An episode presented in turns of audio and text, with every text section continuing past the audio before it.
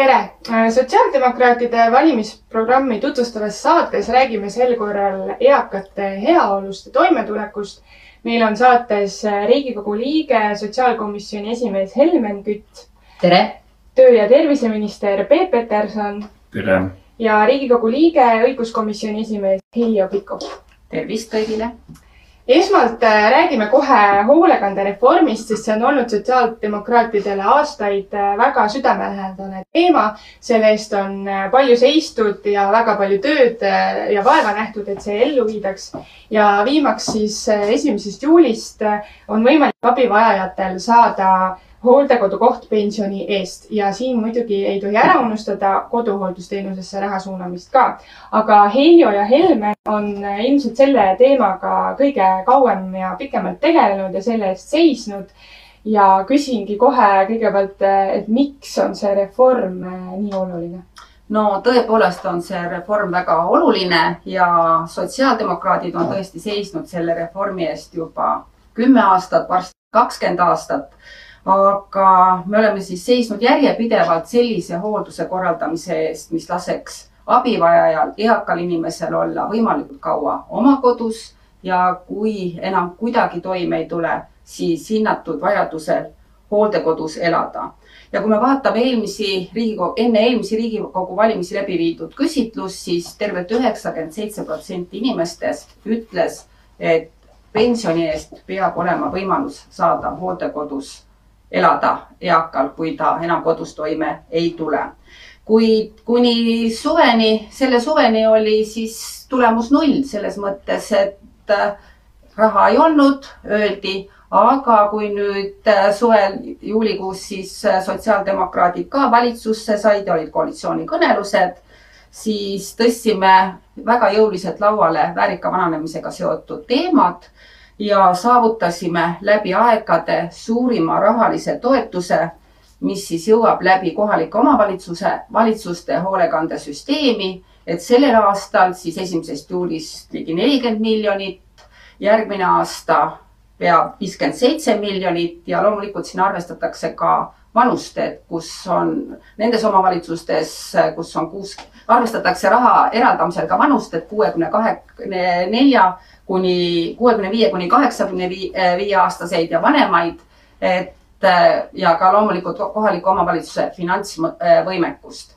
nüüd eh, see reform paneb siis rõhu sellele, et inimestel oleks võimalik nii kaua kui vähegi võimalik oma kodus olla. see tähendab siis seda, et omavalitsus tuleb appi, kui on vaja ja kui enam võimalik ei ole, siis hooldekodus ja ma võib-olla ka seletan ära selle, et paljud on küsinud, et kuidasmoodi see maksmine siis toimub, et nüüd saab iga pensioni eest hooldekodukoha vajadusel ka kolmesaja eurose pensioni eest. aga ma toon näite, et kui keskmine vanaduspension, see on näide, kui keskmine vanaduspension on näiteks kuussada eurot, inimese enda pension on viissada eurot, siis kohalik omavalitsus maksab selle vahe sada eurot siis hooldekodule kinni et siis on, et see, mis on vähem siis sellest keskmisest vanaduspensionist, kohalik omavalitsus tuleb siin appi. Ja ütleme, et hooldustöötajate palgad, hooldustöötajate kulu hooldekodus on kusagil kuussada eurot, siis see tuleb samamoodi kohalikult omavalitsuselt, et kui näiteks Tartu hooldekodus on hooldekodukoha maksumus tuhat kakssada eurot, siis hooldustöötajate palgad, hooldustöötajate kulud makstakse kinni kohaliku omavalitsuse poolt. samamoodi siis, kui jääb sinna vahe selle keskmise pensioni ja siis inimese saadava pensioni vahele, ka see vahe makstakse kinni.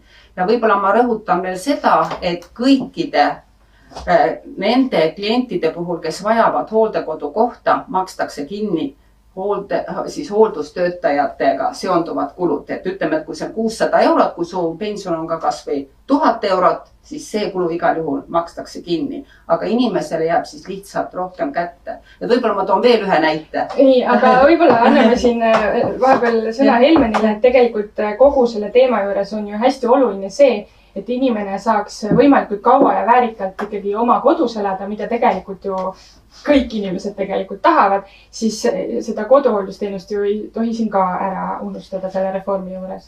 nojah, ega seda ei olegi unustatud, et võib-olla mitte nii pikalt selgitada ja nii pikkasid selliseid ülevaateid anda, mis kindlasti on vajalikud, inimesed tahavad teada, kuidas see on, et minu meelest on hästi oluline see reformi korral meeles pidada, et iga inimene õigel ajal õiges kohas.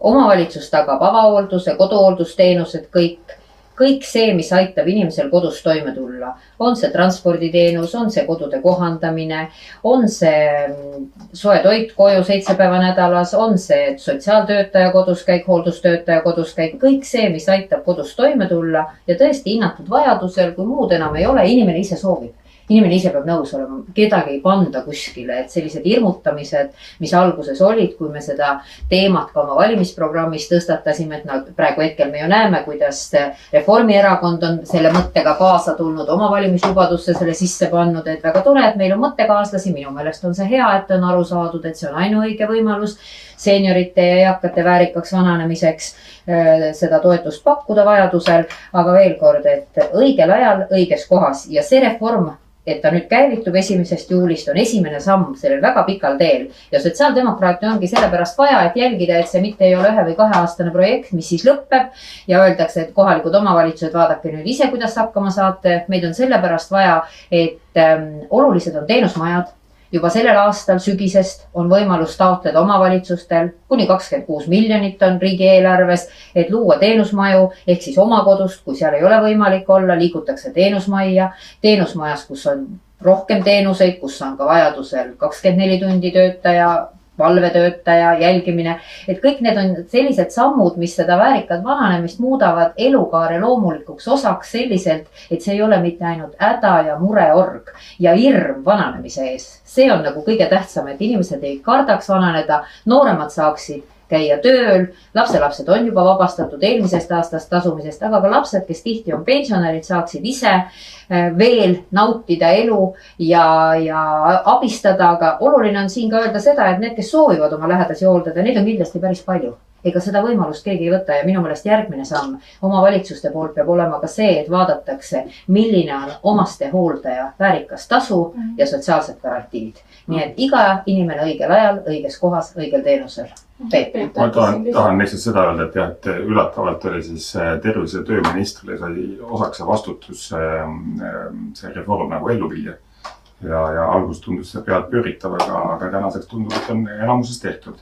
jäänud on äh, mõned momendid, äh, küsitakse seda, et on väga tore, kui saab sinna hooldekodusse, aga kas hooldekodukohad, kohtade arv ei lähe nagu, no ei tule puudu on üks pool ja teine see, et kust te saate need äh, hooldajad selleks, et kvaliteetselt äh, seda hooldust äh, teha. siin on, ähm, siin on üks selge vastus, me arvestasime hooldaja brutopalgaks tuhat kolmsada viiskümmend. tuhat kolmsada viiskümmend, kuid me täna kohtun, eks ju, seal Pärnumaal ähm, Jõukres näiteks inimesi, tegevusjuhendajaid, kes töötavad seitsmesaja üheksakümne euro eest. siis selge see, et selle seitsmesaja üheksakümnega ei ole lootustki kui nüüd äh, äsja sai valmis tervishoius palgalepe, mis ütleb seda, et hooldaja palk haiglas tõuseb tuhande ühesaja kuuekümneni, siis, äh, siis eile sai alustatud äh, osapooltega läbirääkimisi, et, et kehtestada samamoodi kollektiivlepinguga ka hooldusalas miinimumpalgaks tuhat ükssada kuuskümmend, mis ei oleks äh, liiga koormav ja võimaldaks seal ka need palku õigesti nagu palgastruktuure hoida.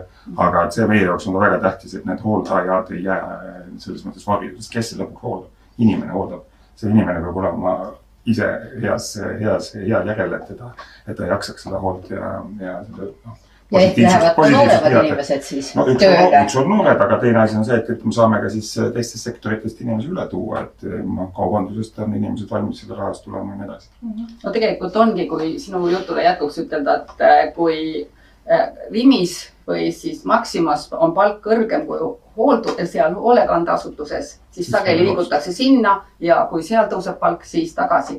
aga võib-olla, mida ma tahaks veel lisada, üle korrata, et kohalik omavalitsus os osaleb siis iga inimese hooldekodu teenuste rahastamisel, et see, mis on siis hooldusteenu-, hooldajatega seotud, see tähendab palk, nende väljaõpe, kõik muu, et kõiki, kõik need kulud siis maksab iga inimese puhul siis kohalik omavalitsus kui on hinnatud vajadus ja inimene satub hooldekodusse, olenemata pensioni suurusest. ja veel kordan üle, et kui on pension väiksem kui keskmine pension, siis ka selle vahe maksab kinni kohalik omavalitsus. võib-olla veel, mis on hästi oluline, et täna on neid hooldekodusid küll ja küll, kus on hooldatavaid äh, siis ühe hooldaja kohta kaheksateist, kakskümmend kaks isegi. et äh, ka see hakkab muutuma, et ka kvaliteedinõuded on paika pandud selle reformiga, et Äh, siis üldjuhul, kui on raske hool-, äh, rasked äh, siis hooldusalused, siis on kaksteist inimest ühe hooldaja kohta, kui on väga rasked, siis üheksa. et noh, need on sellised keskmised numbrid. et ja on küsitud ka seda, et kui inimesed, inimene on noorem kui pensioniealine, et kas ka tema hooldekodu koht siis samadel alustel makstakse kinni või kas ka tema saab samadel alustel hooldekodukoha? jah, saab küll et arvesse läheb ainult inimese pension, riiklik pension, siis kogumispension ja töövõimetoetus, et oma vara maha müüma ei pea mm. -hmm. see on, see on väga, väga oluline, et, et noh, sotsiaaldemokraatide arvates kõik see jändamine selle kinnisvara müügiga ja siis see nii-öelda eh, lastelt selle nii-öelda mingisuguse panuse nagu väljapressimine, et see kõik on meie jaoks natuke selline, et noh, et et millega meil tegelikult sotsiaaltöötajad siis peavad tegelema, et nad ei saa ju sotsiaaltööd teha, kui nad peavad seda raha kokku hoidma. aga ennem Helmen mainis siin seda, neid nii-öelda hooldekodueelseid teenuseid ja neid koduhooldust. minu see kogemus viimastel nädalatel on olnud see, et inimesed, meil oli just Väärikate ülikool oli Pärnus. Inimesed tulid minu juurde, ütlesid, et kuulge, kas te teate, kui, kui mul ei oleks lapsi, maksaks seal vist oli toidu toomine kaks eurot Äh, kuna mul on lapsed, siis see maksab mulle seitse eurot. ma ei jaksa seitset eurot maksta, see jätab mind nälga. ehk siis äh, minu see ettepanek on see, et me tuleme hooldereformiga number kaks järgmisest aastast ja, ja võtame, võtame need ähm, koduhooldusteenused ka nagu palju põhjalikumalt, aga ka seal need muud, muud äh, nii-öelda hooldekodueelsed asjad võtame paremini fookusesse. võimalik, et me peame otsima raha juurde me, küll praegu jätsime omavalitsustele, nad saavad seda, aga võib-olla me peaks tulema täiesti uue nagu reformikavaga, ütleme, et koduhooldused äh, mõistliku tasu eest kõigile nii, Helme tahtis midagi. ja ei, ma tahan lihtsalt lisada, et ei jääks vale mulje, et täna kohalikud omavalitsused teevad väga head tööd, on loonud teenuseid ja me ei saa öelda, et riik hakkab korraldama teenuseid. riik toetab omavalitsusi, et nad saaksid pakkuda neid soodsamalt ja taskukohasemalt. täna äh, on see võimalus esmakordselt selline raha riigi poolt läheb, meil on olnud kogu aeg rahastatud väga heldelt elukaare esimene osa teine osa, see, mis puudutab äh, vanadust, on jäetud väga selgelt laste kanda, enne ka lastelaste kanda. Ja omavalitsused ongi oma võimaluste piires seda üritanud tagada, ka seda kolmeteist kohustuslikku sotsiaalhoolekande teenust, mis seaduses on kirjas.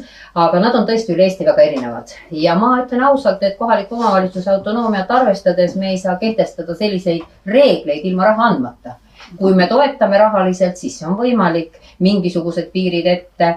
Äh, aga autonoomia kohalikul omavalitsusel peab jääma, mul on väga hea meel, et see kõige raskem teenus, äh, mis on hooldekoduteenus, et see kõige raskem teenus on täna siiski leidnud esimese lahenduse, kuidas seda tagada. aga kõik see muu, mis järgneb, täpselt nii nagu Peep ka ütles, see tuleb väga koostöös kohalike omavalitsustega läbi arutada. mina tahan väga tunnustada ja tänada kohalike omavalitsuste koduhooldustöötajaid ja sotsiaaltöötajaid, sest nad teevad väga head tööd ja tänu sellele on olnud võimalus ikkagi väga mitmed omavalitsused on leidnud oma rahalisi vahendeid ja toetanud ka hooldekodukoha maksumust peredel kompenseerides. aga see ei tohi olla nii, et see sõltub kohalikust omavalitsusest ja tema jõukusest ainult. riik peab väga selgelt minema appi ja mitte ainult esitama nõudmisi, koos nõudmise ja tingimusega peab liikuma sinna ka raha teate, aga mina tahaks. ma tahaks ühe asja, ühe asja siin veel ära öelda, et tegelikult see raha, äh, ma olen Peebuga ja Helmeniga äh, siis igat moodi nõus, et tegelikult see raha, mis läheb nüüd kohalikele omavalitsustele, et kohalikel omavalitsustel äh, on võimalik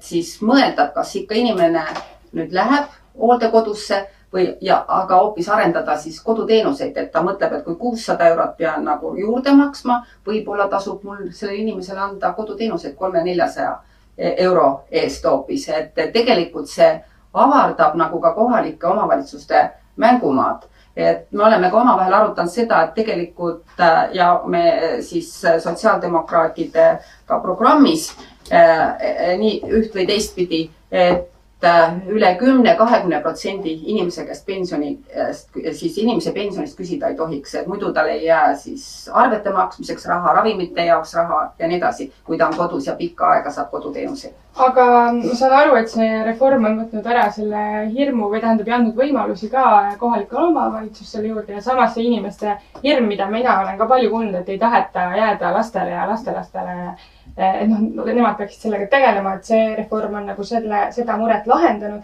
aga kui me räägime eakatest veel, siis me ei saa mööda minna pensionitest ja pensionite osas äh, sotsiaaldemokraadid äh, näevad ette, et see peaks olema tuhat kakssada eurot. ma sellel ei peatuks, aga minu meelest on hästi olulised siin pensionilubaduste juures tegelikult ka see alampension ja tööandja pension Äh, mis see alampension, pension siis on, Helmen? no me oleme programmis ette näinud, et, et alla neljasaja eurose olla ei tohiks, aga minu meelest on väga oluline, et me samas oleme ka öelnud, et see peaks olema vähemalt kahekordne toimetuleku tõus või piir. et kui täna on toimetuleku piir kakssada eurot, kui see tõuseb siis peaks see alampension täpselt samuti tõusma samas taktis või samas rütmis. et see oleks see, mis miinimum on äh, ja see annaks inimesele ka selle kindluse, et vajadusel saab ta juurde taotleda ka toimetulekutoetust, aga see võiks olla omavahel seotud, nii et meie mõte on see olnud. jah, see siis tähendab seda, et alla selle ei tohiks keegi pensionit saada, aga siin äh, kõrval on see tööandja pension veel, et kui teine sammas äh, tegelikult ära lammutati, siis meie tulevik selles mõttes on pisut tume, et meid võib võib oodata ees hetk, kus on väga palju inimesi, kes saavad väga väikest pensioni. ehk siis siin on see tööandja pensioni pool, mida me oleme varem käsitlenud, aga ma arvan, et selle võiks ka nagu kokku räägin hästi, hästi kiiresti sellega ära, aga ma pean natuke asetama kogu selle nagu tuhat kakssada, kõik selle mingisuguse konteksti.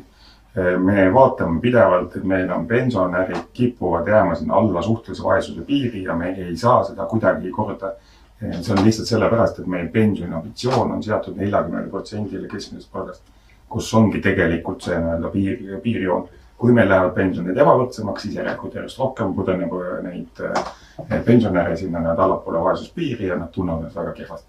kurb on see, et tegelikult ükski erakond täna ei suuna, peale meie ei räägi sellest, et see nii-öelda siht peabki olema põhjamaisem, euroopalikum. me ütleme niimoodi, et me suudame nelja aastaga viia ta viiekümne protsendi peale, mis on siis tuhat kakssada. keskmisest palgast. keskmisest palgast ja, ja sealt edasi me tegelikult paneme sihi juba kuuekümnele ja, ja ehitame selle süsteemi uuesti üles niimoodi, et et noh, et, et nooremad inimesed võiksid loota, et nende tulevik ei ole päris selline, nagu oli nende vanaemadel ja, aga noored peaksid aga, siin kindlasti mõtlema juba. aga noored peavad täna mõtlema, nii ja siin, siin on nüüd see mm, plaan, eks ju, kuidas, kuidas juba tegelikult mõned elualad on eh, kokku leppinud ja toimetavadki selle suunas, et kuuskümmend protsenti saada, saada pensioni, see on korralik, eh, ta ei ole päris Rootsi pension, ta on väga lähedal sellele. Eh, ja, ja see nipp on olnud nii, lennujuhid, dispetšerid, mitmed pangad, pangad on sama asja teinud. Nad on siis viie aasta jooksul läinud üle niimoodi kahe protsendi punkti võrra, et, et sul palgad tõusust loovutad seal nii-öelda kaks protsendipunkti, mis ei ole väga märgatav. ja viie aasta jooksul lõpuks on sul kümme protsenti palgast koguneb sellesse fondi, tööandja pensionifondi ja vot see kogumismäär juba võimaldab rääkida Rootsi tüüpi palka ja nendest pensionist.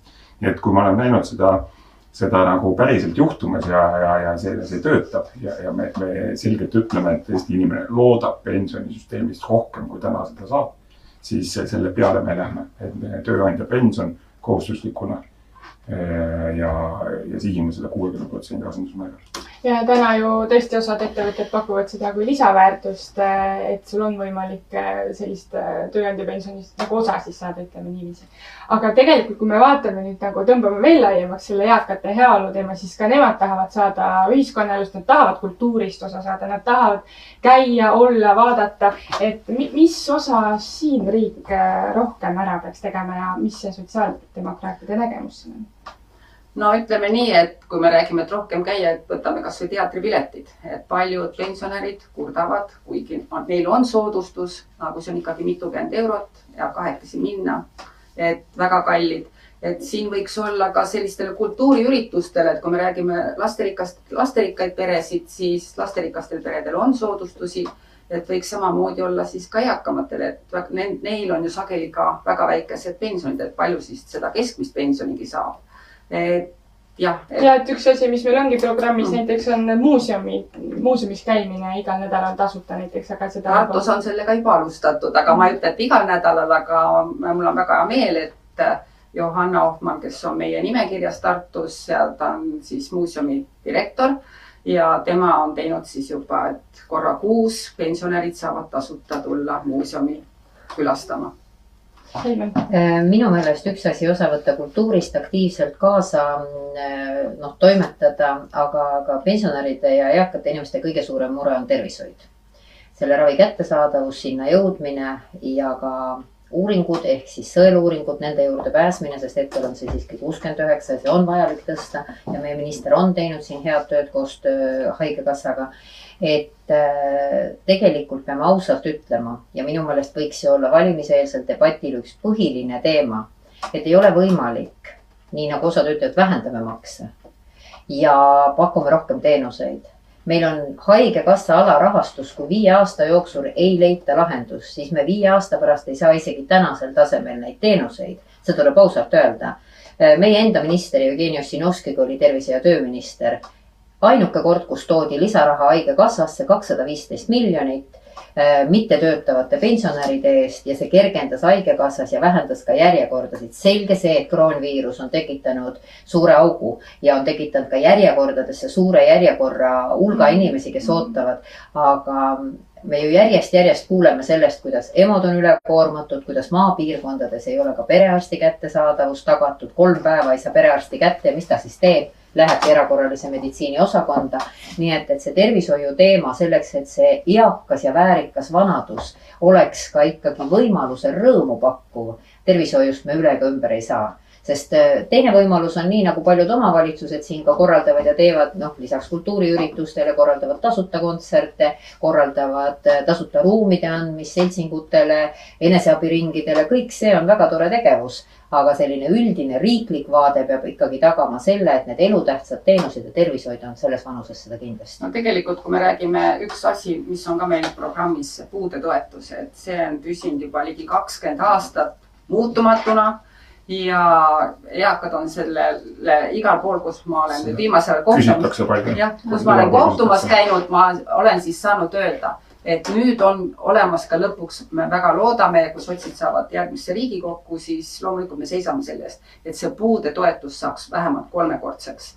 et eriti eakamatel on see madalam kui tööealistel, et äh, jah, et ravimid ja kõik, kõik muud, mis siin selle raha eest siis on tegelikult äh, võimalik osta. aga see tervis selles mõttes ongi jah oluline, et kui tervishoius on probleemid, aga enne seda tegelikult ju inimesel on tarvis ka liikumiseks ja, ja hobidega tegeles, tegelemiseks võimalusi, et ma vaatasin, meie programmis on kirjas, et, et meil on tarvis tegelikult ka sobivaid kergliiklusteid rohkem, tervise- ja suusaradu rohkem.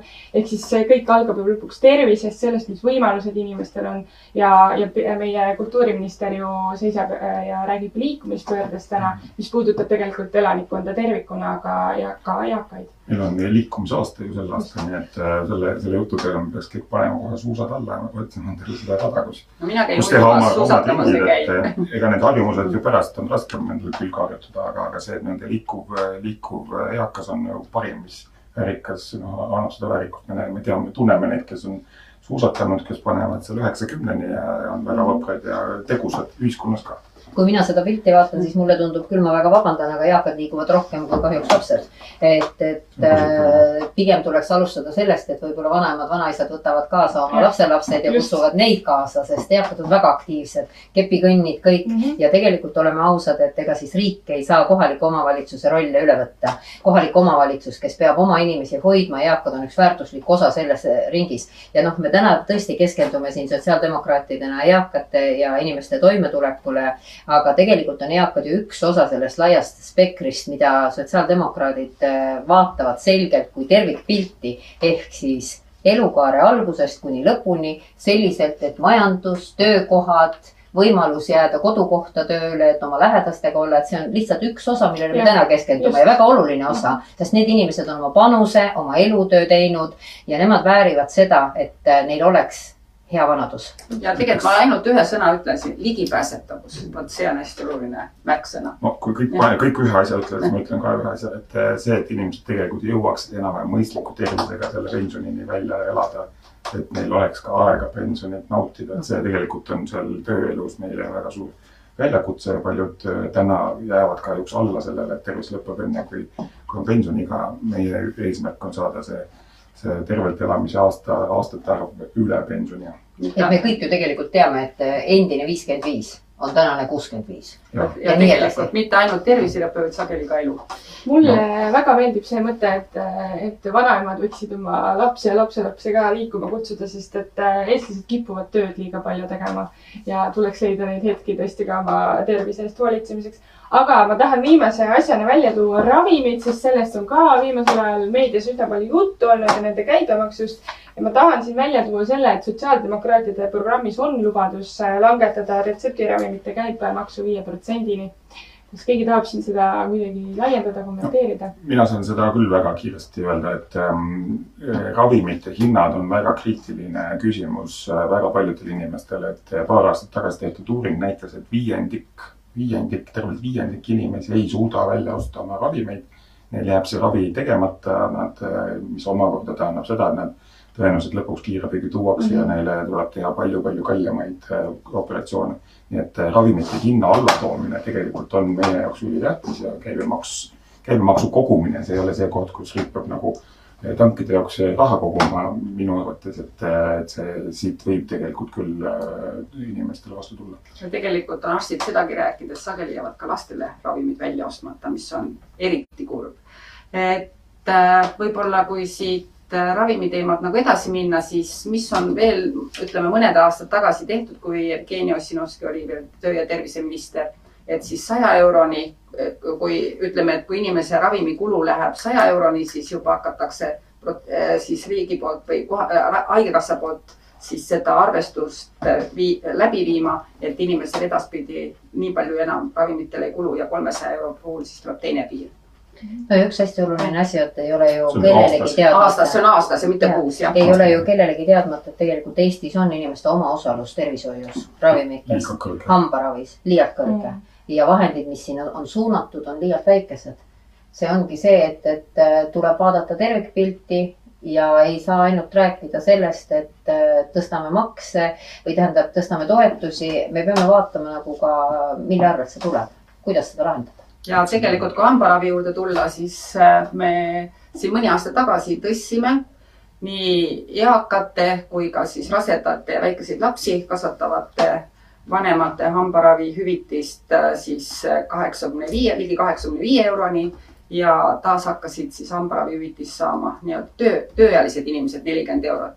aga meie programmis on ka sees see ja seega on ka meie mõte, et äh, siis eakatel, osalise töövõimega inimestel, töövõimetutel inimestel ja siis rasedatel ja lastega, väikeste lastega vanematel emadel et nendel siis kahekordistada siis seda hambaravihüvitist kaheksa, kaheksakümne viielt siis äh, äh, saja seitsmekümneni ja need, kes on tööealised, nendel samamoodi kahekordistada siis kahe, kaheksakümne euroni ja muidugi hambaproteesi hüvitis ka vajab kahekordistamist, et need on suured rahad aga seda tuleb teha, inimesed peavad käima hambaarsti juures ja õigel ajal saama ravi. kohtusin eelmisel nädalal pere, selle hambaarstide seltsiga ja nad juhtisid tähelepanu, et tegelikult täna on võimalik ka juba saja, saja viiekümne euroga kokku on võimalik tegelikult midagi teha. et üks põhjus, miks inimesed jätavad ka täna selle nelikümmend eurot kasutamata, nad ütlevad, et aga kui mul ei ole juurde maksta, ma parem ei lähegi ennast sinna naritama. täna, täna hambaarstid kinnitavad, hambaarsti selts kinnitab, et et saab küll ja tasub, tasub natukene juurde panna selleks, et see nii-öelda inimesele, ka tavalisele inimesele muutuks hambaravi kättesaadavaks, et tal oleks. tööealisele. sest sealt omakorda, kui sul on põletikud suus, sealt hakkavad kõik muud asjad äh, loksuma. et see suu tervis on äh, tegelikult nagu väga palju, väga palju kogu tervise nagu eeldus ja üks põhilubadus tegelikult tervishoius, mis tõesti eakaid niivõrd ei puuduta, küll aga nende lähedasi, on ikkagi universaalne ravikindlustus. me oleme mm -hmm. täiesti seda meelt, et need inimesed, kellel täna puudub ravikindlustus, on nad kultuurisektoris, see on inimõigus. inimesel peab olema võimalus saada kasvõi perearsti eh, tasemeni esmast abi ja juba siis edasi, aga, aga see, et täna puudub, need on ka need inimesed, kes lähevad siis, kui on asi väga hull ja siis on kulud tervishoiule palju suuremad see vältimatu abi on ju kõigile tagatud, aga miks me peame andma ülikallist vältimatut abi, kui me võiksime tegelikult need inimesed katta, inimesed- katta perearsti teenusega, mis äh, hoiab nende tervist jooksvalt. ja paljud inimesed töötavad täna pro projektipõhiselt ja uuring ja sealsamas Haigekassa on öelnud, et kuskil kaheksakümmend tuhat inimest on aastas neid, kellel katkeb äh, siis see haig-, ravikindlustus vähemalt üheks päevaks ja kuskil kuuskümmend tuhat et kolmekümneks päevaks, et noh, et tulevad sellised vahed sisse, et me peame arvestama, et töö, töö iseloom on muutunud. ja, ja mulle tundub, et sotsiaaldemokraadid vaatavadki hästi tervikuna seda pilti, et me tegelikult eakatest jõudsime ju laiema elanikkonnani juba. siin on ka haigushüvitiste teema oluline, mida sotsiaaldemokraadid aitasid pikendada. aga pensionist ja, ja tervisest ja, ja mm, ravimitest, kõigest sellest äh, soovitan veel lisaks meie programmi lugeda.